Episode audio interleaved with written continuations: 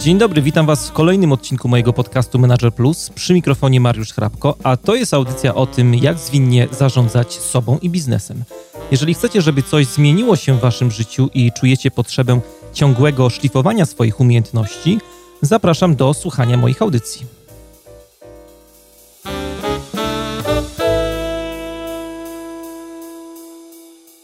To jest podcast Manager Plus. Dzisiaj w audycji będziemy rozmawiali o tym, czego o zarządzaniu i przywództwie można nauczyć się pracując w szkole. A z tej okazji do programu zaprosiłem bardzo szczególnego gościa. Jest nim Jarek Szulski, nauczyciel geografii w liceum i gimnazjum imieniem Tadeusza Rejtana w Warszawie. No i oprócz tego jest y, także osobą, która współpracuje, poza tym, że prowadzi zajęcia w szkole, współpracuje też z Jackiem Santorskim i y, jego firmą Valius, gdzie kieruje zespołem projektowym studium podyplomowego Akademii Psychologii Przywództwa. E, witam Cię, Jarku, bardzo serdecznie. Dzień dobry. E, Cześć. Nie dodałem chyba jeszcze do tego wszystkiego, że jesteś wydawcą i autorem trzech książek. Zdarza się SOR i e, Siła spokoju, którego nie ma tak? No tak, jak, jakoś trzeba wydawać książki, które się samemu też pisze między innymi. Oczywiście jesteśmy wydawcą różnych autorów, a początek był taki, że Jacek Santorski powiedział, że książka, którą mu przyniosłem jako do byłego wydawcy mhm. jest ok, ale jeśli w nią, w nią naprawdę wierzysz, to sam ją wydaj. No i tak się, taki był początek naszego wydawnictwa. Mhm. A jak to się w ogóle stało, że zostałeś nauczycielem właśnie? Wiesz, to była taka, taka trochę dziwna droga, dlatego że w pewnym momencie, y, jak byłem młodym człowiekiem, jeszcze licealistą, listą. Gdzieś odkryłem zupełnie przypadkiem jakiś, e, nie chcę nazwać tego darem, ale jakiś, być może jakąś, jakąś umiejętność rozmawiania z nieco młodszymi od siebie ludźmi. Mm. A to, to, to, to, historia była tyle dziwna, że e, po, po takim dosyć intensywnym imprezowym życiu, okresie mojego życia w liceum, pojechałem na zaproszenie moich dwóch koleżanek na obóz harcerski, mhm. spędzając część wakacji właśnie z przyjaciółmi, nie będąc nigdy wcześniej harcerzem w ogóle. No i tam pracowaliśmy z, jako, ja miałem pewnie wtedy 17 lat, a mm, uczestnikami tych obozów były pewnie gdzieś 13, 12-13-letnie dzieciaki i i wtedy jakoś e, i, i, ja, i różne inne osoby zaczęły zwracać uwagę na to, jak, że mam jakąś umiejętność rozmawiania z nimi. I, i, i co gorsza, po kilku dniach, tam po tygodniu chyba usłyszałem od jakiegoś młodego człowieka, z którym rozmawiałem kilkakrotnie, e, ledwie, mm, że jestem najważniejszą osobą w jego życiu. To w ogóle było takim bardzo mocnym dla mnie, jako też w mhm. sumie jeszcze dziecka, takim przeżyciem. No a później to już zacząłem e, organizować różne przedsięwzięcia e, z, z młodzieżą, takie też międzypokoleniowe, konferencje. Przez chwilę prowadziłem taką e, ekipę przy harcerstwie w Liceum Batorego i e, no i po kilku latach właściwie takiego, takiej pracy z młodzieżą, gdzie udało nam się wiem, organizować imprezy na tysiące osób po prostu dla ludzi z całej Polski przez kilka lat. W Liceum Batorego, kiedy kończyłem już studia, to taką naturalną konsekwencją było to, żeby podjąć się czegoś, e, co wiąże się z trochę większą odpowiedzialnością, czyli nauczania. Mhm. A zacząłem, nie, nie będąc pewny, e, czy chcę wykonywać ten zawód, bo ani nie, nie robiłem tego bloku takiego dydaktycznego na studiach, ani nie lubiłem szkoły tak w istocie jako uczeń. I zacząłem, pamiętam, pierwszy, w pierwszym roku uczyłem jedną godzinę w tygodniu. Tak, żeby dotknąć w ogóle tego tematu. No właśnie ubiegłeś mnie trochę z tym pytaniem, bo właśnie chciałem cię zapytać, czy lubisz w ogóle szkołę, bo tak jak wspomniałeś przed chwilą, to się nie przemęczasz za bardzo jako nauczyciel, tak? No bo spędzasz w szkole w sumie bardzo mało czasu, tak jak powiedziałeś, godzinę tygodniowo jakoś, tak?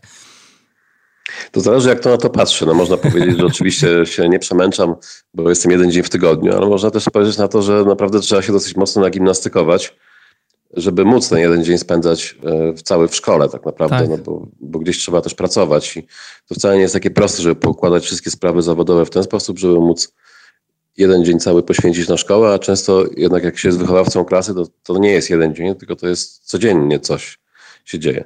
Teraz siedzę w biurze e, w swoim wydawnictwie, ale za dwie godziny mam już spotkanie z uczniem, chociaż nie jest to mój dzień szkolny, a jutro rano mam też spotkanie z uczennicami w jakiejś ważnej sprawie dla nich I to, to nie jest tak, że to, że to jest jeden dzień tak naprawdę. Znaczy to może być jeden dzień, jak, jak w każdym zawodzie. Jak się komuś nie chce robić, to, tak. to też e, nie robi.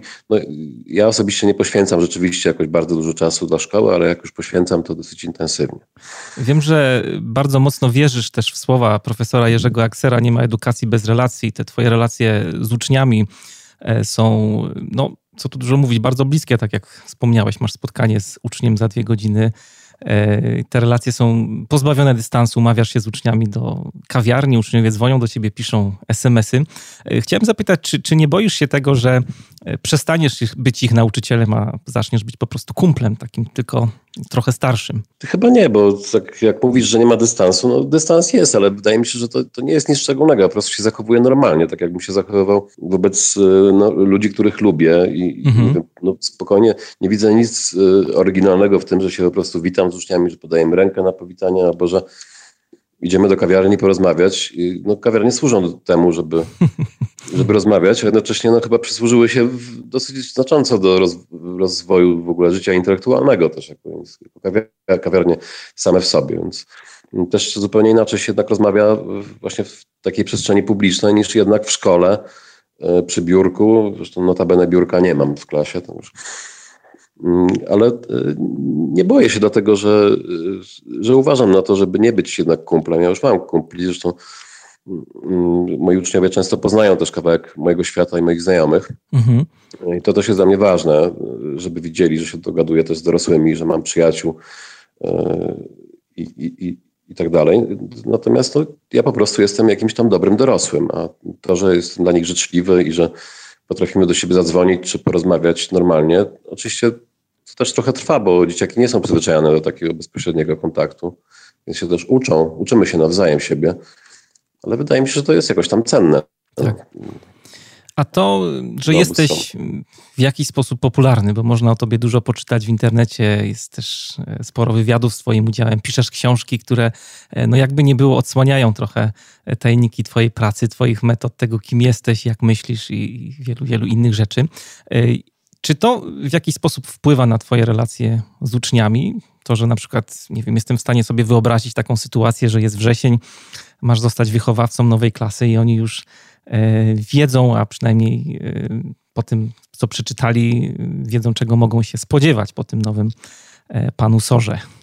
Na pewno nie pomaga. To znaczy, mhm. oczywiście ja, wydaje mi się, że się zachowuję normalnie, że nie, nie, nie wchodzę tam z głową podniesioną do góry jako osoba po, nie wiem, popularna, bo jakoś tak ta popularność jest jakaś niszowa też pewnie.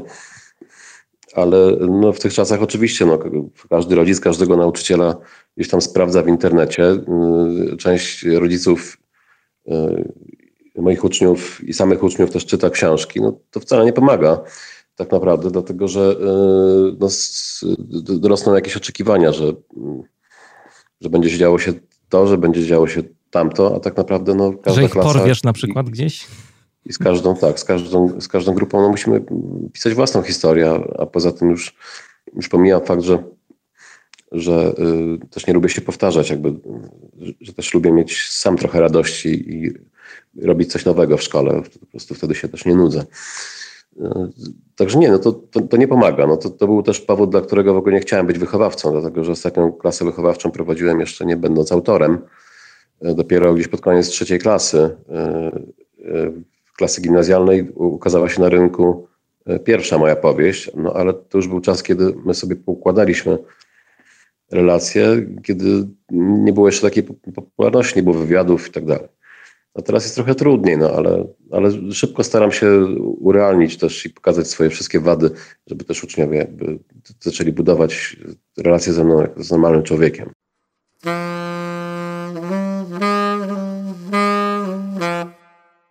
Bardzo często mówisz, że rolą współczesnego nauczyciela jest bycie niepotrzebnym. Taka dość e, kontrowersyjna teza. Mógłbyś to trochę e, bardziej rozwinąć? Ja nie wiem, wiesz, czy, ona jest kontrowersyjna. To za nią się kryje po, po prostu y, odpowiedzialność, tak naprawdę. Że wydaje mi się, że my odzyskaliśmy wolność. Mamy tutaj dużo takiej wolności też wyborów swoich ścieżek w życiu w tej, w tej chwili. Nie tak jak nie wiem, 150 lat temu, gdzie każdy, kto się rodził, no to mniej więcej wiedział, kim będzie, nie musiał jakoś się szarpać, żeby przekraczać te różne granice.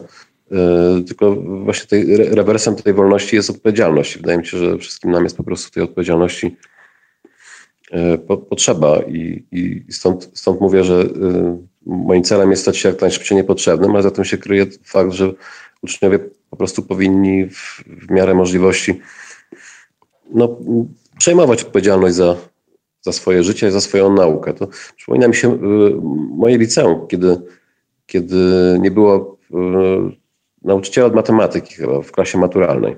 Mhm. Prostu się rozchorował. Nie wiadomo było, czy to potrwa miesiąc, trwało miesiąc, potem drugi.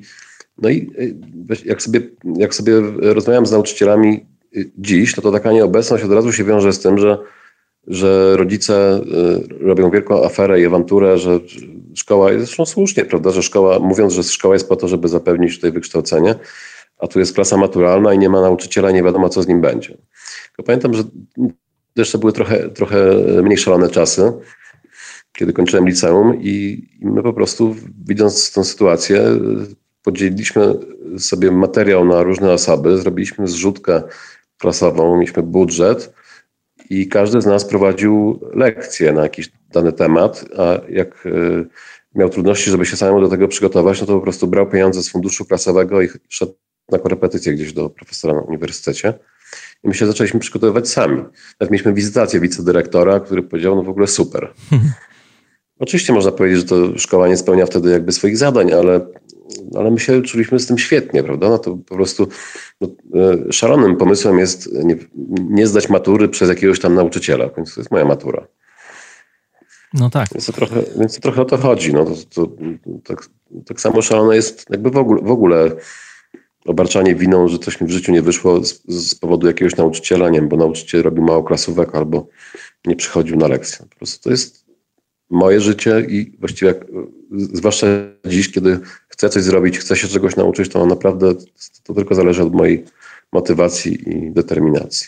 Dotknąłeś tutaj y, bardzo ważnego tematu, też z punktu widzenia tej dzisiejszej naszej rozmowy, wolności dawania uczniom w ogóle swobody działania, takiej autonomii takim, to jest takie ufanie, że sobie poradzą, że dadzą radę po prostu. Jesteś takim e, no, nauczycielem, liderem, który jednak e, odchodzi w cień. No, tutaj nie chcę powiedzieć chowa się w cień, ale właśnie pozwala... to też wiesz, z czasem mi przyszło, bo na początku to, to, to, no to, to ja byłem takim liderem, wszystko robiłem sam, wiesz, żeby uczniowie mnie lubili trochę, bardzo mi na tym zależało.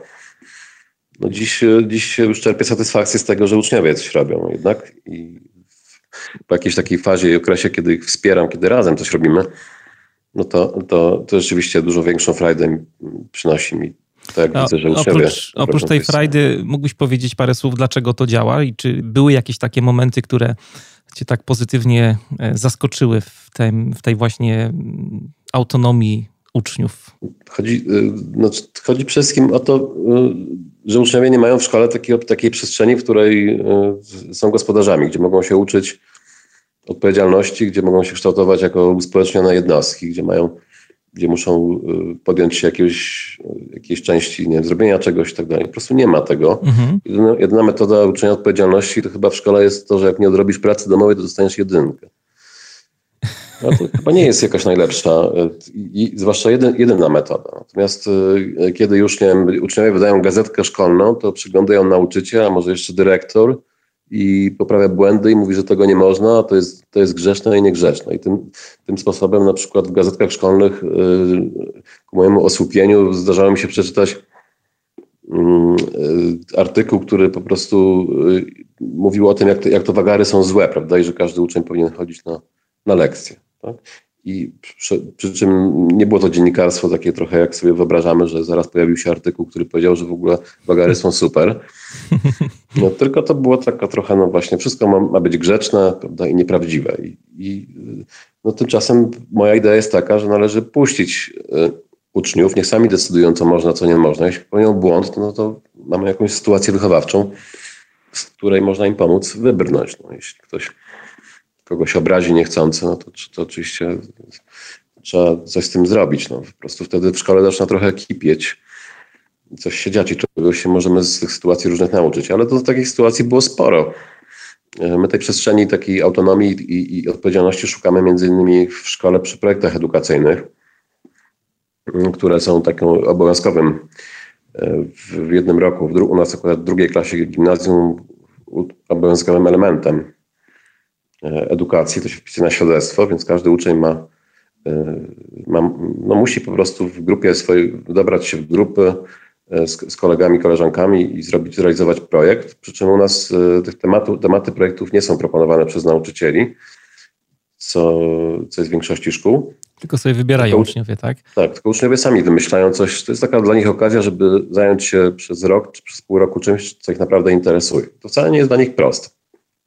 Dlatego, że cały czas mają w tyle głowy jakieś oczekiwania i to, co, co nauczyciele E, częściej myślą, co nauczyciele od nich oczekują, niż to, co e, naprawdę ich interesuje. A często ich w ogóle to jest już bardziej smutne, że nic ich nie interesuje. Więc to jest.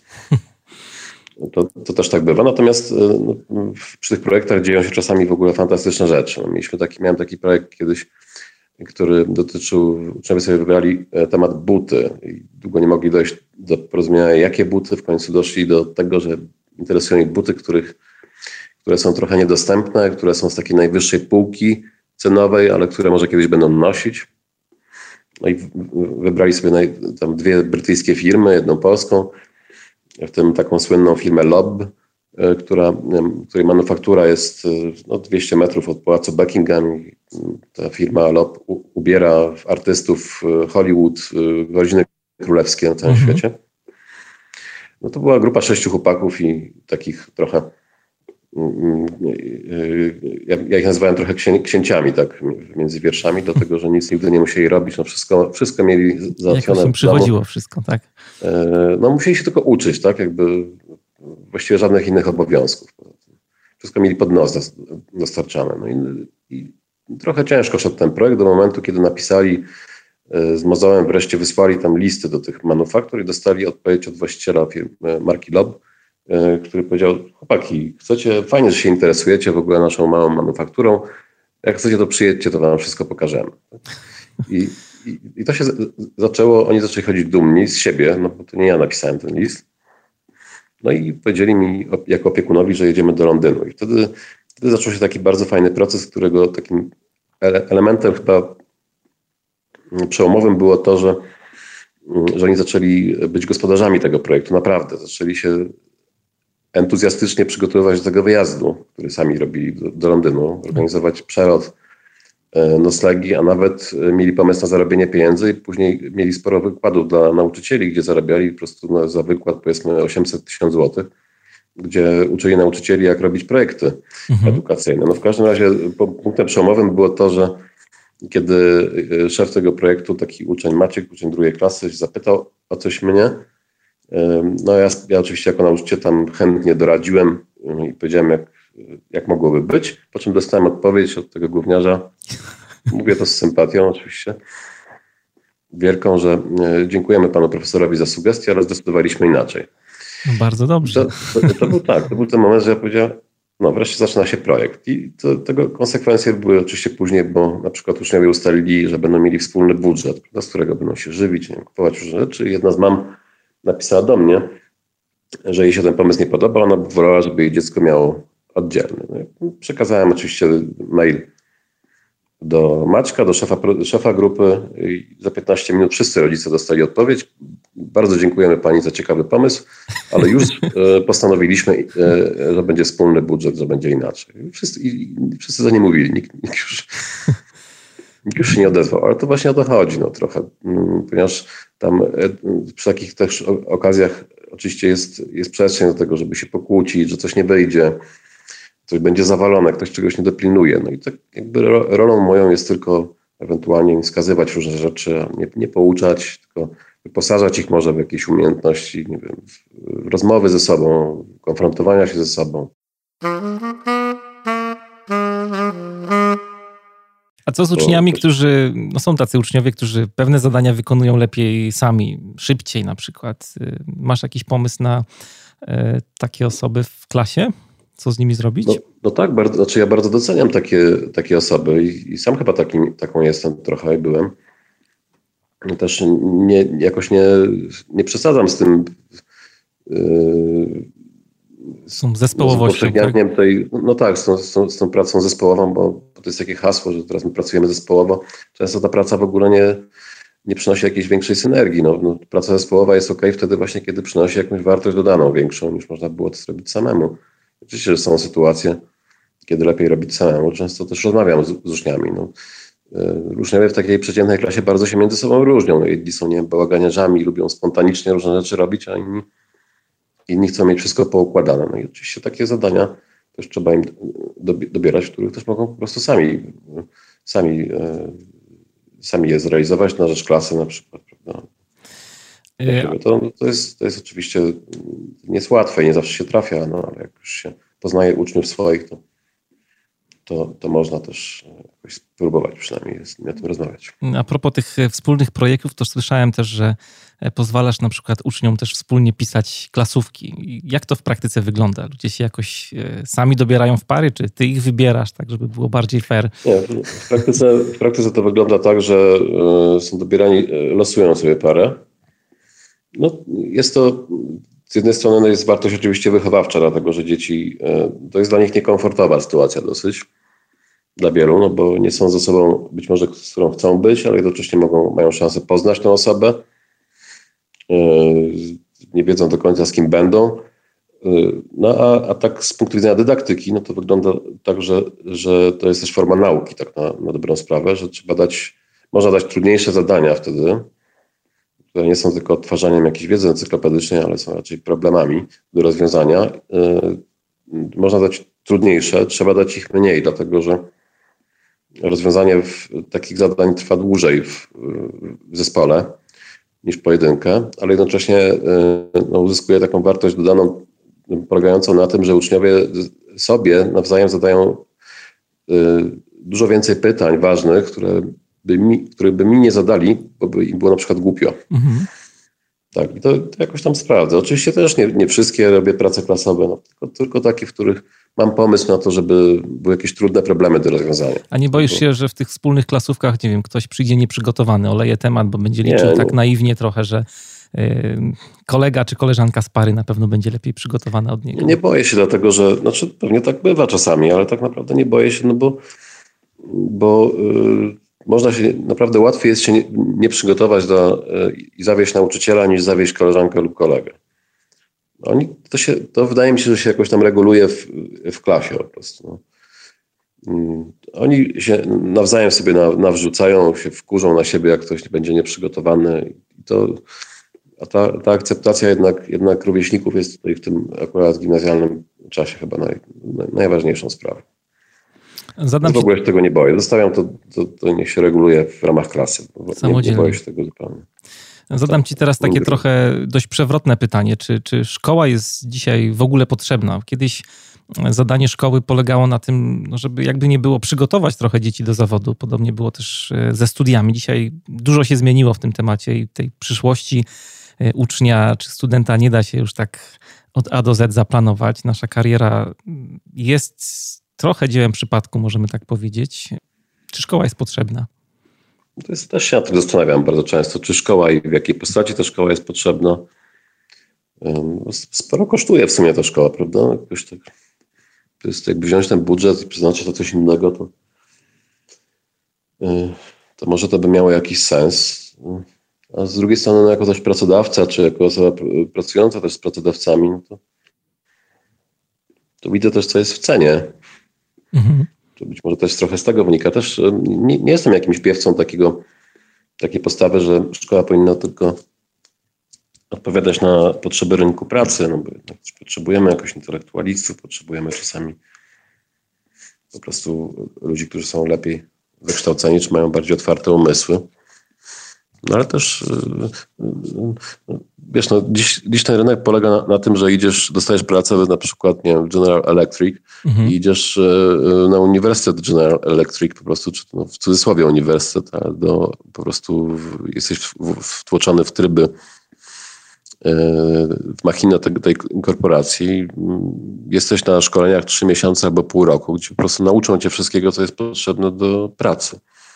Natomiast nie nauczą cię jako dorosłego już trzy miesiące, jak być odpowiedzialnym, jak pracować z ludźmi, jak, jak no, no, nie, nie, nauczą cię po prostu tego wszystkiego, jak być, nie wiem, jakieś pomysły dobre i tak dalej. Tak? Tego wszystkiego, tych umiejętności, których rozwijania, których rozwijanie jest w szkole i trudne, ale też trudne z uwagi na to, w jaki, w jaki sposób ta szkoła jest zorganizowana obecnie. Mhm. Wspomniałem też na początku, że oprócz y, pracy w szkole współpracujesz też z Jackiem Santorskim przy takim bardzo fajnym projekcie y, studiów podyplomowych Akademia Psychologii Przywództwa. Y, mógłbyś tak. w paru słowach powiedzieć, na czym ta twoja praca polega? Czym jest Akademia no. też? Akademia to jest projekt przygotowany przez firmę Velius, gdzie Jacek Santorski jest dyrektorem programowym, czyli odpowiada za, za program studiów, e, a ja całą resztę, czyli mm, jestem jakby menadżerem całego projektu, kieruję razem z Jackiem, kierujemy jakby siódmy rok e, tą akademią. To są studia przeznaczone dla, czy one są do bólu psychologiczne, praktyczne i do bólu biznesowe. Są studia przeznaczone dla osób, które mają już bardzo duże doświadczenie w biznesie, w związku z tym większość naszych, naszych studentów to są osoby zasiadające w zarządach polskich korporacji czy właściciele firm, przedsiębiorcy e, lub sukcesorzy, czyli osoby, które są przygotowywane do takich wysokich funkcji. E, no to, to jest to, czym są studia, natomiast czym, e, czym one są dla uczestnika, myślę, że one są przede wszystkim zaproszeniem do pracy nad sobą. To są studia dla osób, które znają się świetnie na biznesie, ale mają kłopot z pracą z ludźmi być może. Nie? Chcieliby zrozumieć, jak, jak działają na ludzi, czy są w stanie im przewodzić, czy są w stanie porwać do różnych um, przedsięwzięć, zaangażować, zmotywować i tak dalej. Także mhm. przychodzą dojrzałe, bardzo dojrzałe biznesowe osoby do nas. Ale często niedojrzałe emocjonalnie, być może. Czy w tej swojej pracy właśnie w ramach e, Akademii Psychologii Przywództwa wykorzystujesz jakieś swoje doświadczenia z pracy z uczniami? Czy widzisz analogię między zarządzaniem, przywództwem, a tym, co robisz w szkole, e, pracą zespołów uczniowych i tego typu rzeczy. Widzę codziennie tak naprawdę, no bo, bo e, no, przedsiębiorca czy członek zarządu jest liderem w swojej organizacji. My to, ten, ten, ten know-how Akademii przenosimy też e, w programach społecznych do dyrektorów szkół. Dyrektor też jest takim, takim liderem, ale te wszystkie wszystkie, no nie chcę powiedzieć metody, bo my nie uczymy tak naprawdę jakichś specjalnych jakichś metod ani kruczków, jak postępować z ludźmi, tylko właśnie uczymy bycia autentycznym, a, a, a to się wiąże z tym, że nie ma jednej jakiejś recepty na to, jakim być. Każdy musi sam zdecydować, jakim chce być e, i ponieść tego konsekwencje. No ale nauczyciel jest, jest, e, jest takim liderem w, w, w klasie. Więc e, oczywiście, że jest tu, mamy taki model na przykład Versatile Leadership, gdzie uczymy w czterech obszarach taki, osiągania takiej jakby uczymy, no pokazujemy, jak osiągnąć równowagę pomiędzy takim e, tą częścią pracy, powiedzmy taką zarządczą, czyli taką, e, gdzie po prostu podejmujemy decyzje, a tą taką miękką, ludzką, gdzie angażujemy lub przeciwnie, po prostu jesteśmy dyktatorem.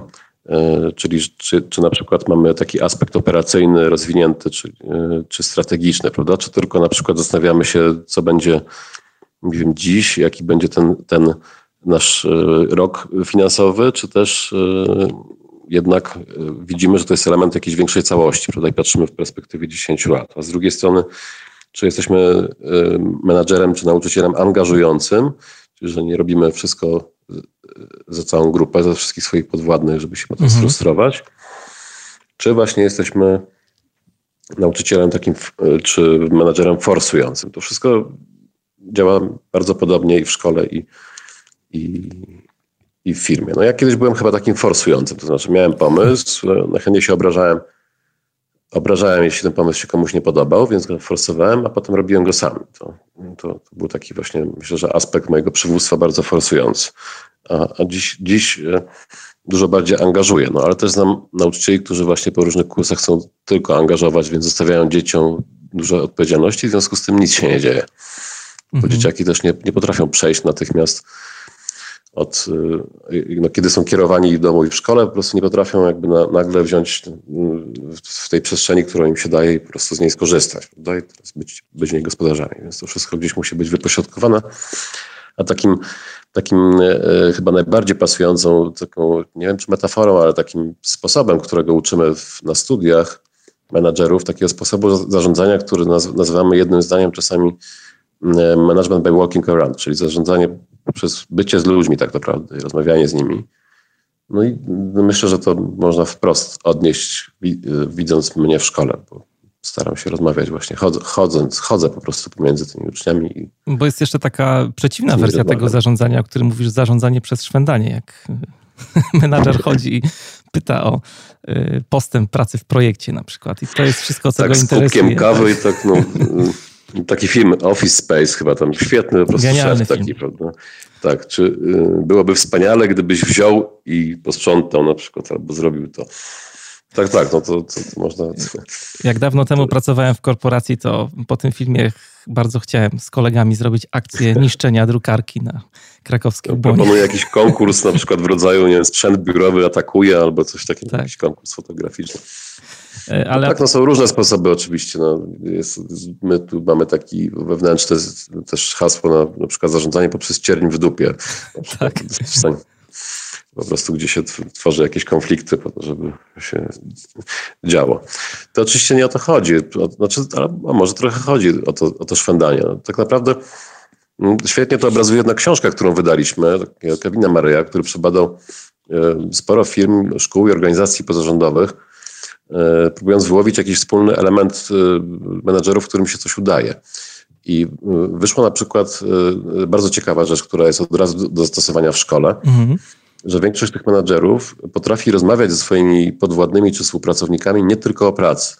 E, czyli, że trochę wiedzą też o nich więcej. Prawda? Znaczy, miałeś pewnie takich nauczycieli, z którym, no nie wiem, jakbyś powiedział nauczycielowi od historii, że chcesz się zabić, to by ci zaczął opowiadać, że no, tam kiedyś jakiś król też chciał się zabić, prawda, i tak dalej, a nie zapytał, nie spojrzałby ci w oczy i powiedział, kurczę, co się dzieje. Prawda? No tak, że, większość niestety że, była taka właśnie, że, że nie boi pytała, się, po prostu dzieje, jest, tak. tak, jest zamknięta, albo nie wiem, miałem sytuację, że mój uczeń, znaczy nie uczeń, taki właściwie znajomy, młody czytelnik gdzieś ze Śląska, mm, przyjechał specjalnie do Warszawy w trakcie roku szkolnego z rodzicami. Rodziców tu zaciągnął, mając tam 14 lat, żeby zrobić e, film tutaj o powstaniu warszawskim, żeby uchwycić tą godzinę W i wrócił do siebie na Śląsk i chciał to po prostu entuzjazmowany pokazać to swojemu nauczycielowi od historii. No i usłyszał właściwie no, e, fajnie, ale nie mogę tego obejrzeć i ocenić, bo, bo powstanie warszawskie jest przy, dopiero w, w kolejnej klasie. No, no takie typowe, no, no, no, tak jakby nauczyciele byli jakimiś niewolnikami swojej podstawy programowej. A tymczasem naprawdę nauczyciele mają bardzo dużo wolności. Póki co jeszcze w tym systemie. No nie wiadomo jak to będzie dalej.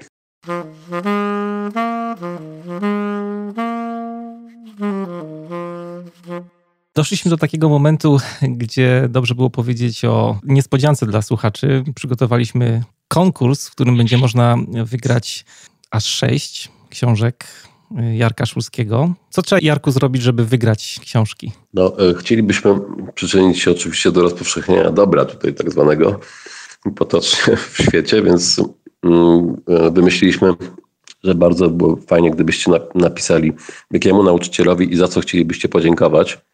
Czy macie w ogóle kogoś takiego w swojej głowie, w swoich wspomnieniach e, i wtedy, wtedy przekażemy książkę dla was, czyli dla, dla ciebie, który napi, która, czy który napiszesz taką dedykację i podziękowania dla swojego nauczyciela i dla tego nauczyciela z prośbą, żeby mu oczywiście tę książkę wręczyć i powiedzieć, że był taki dla was ważny.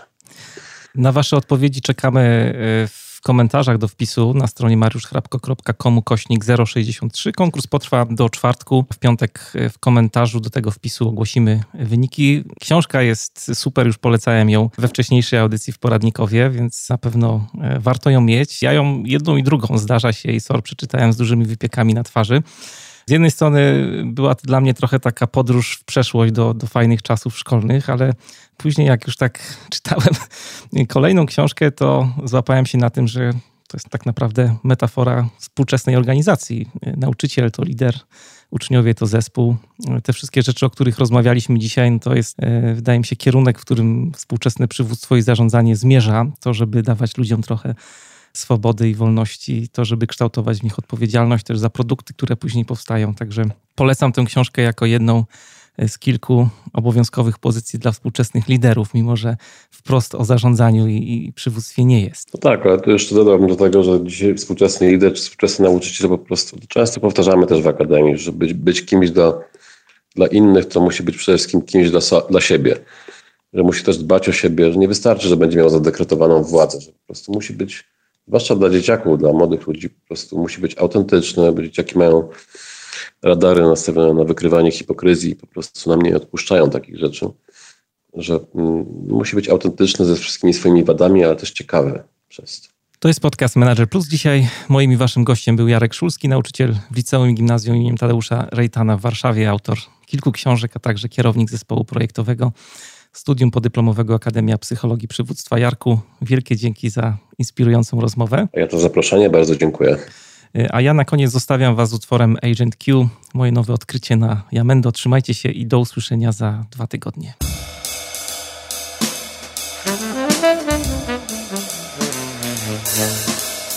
Tell me,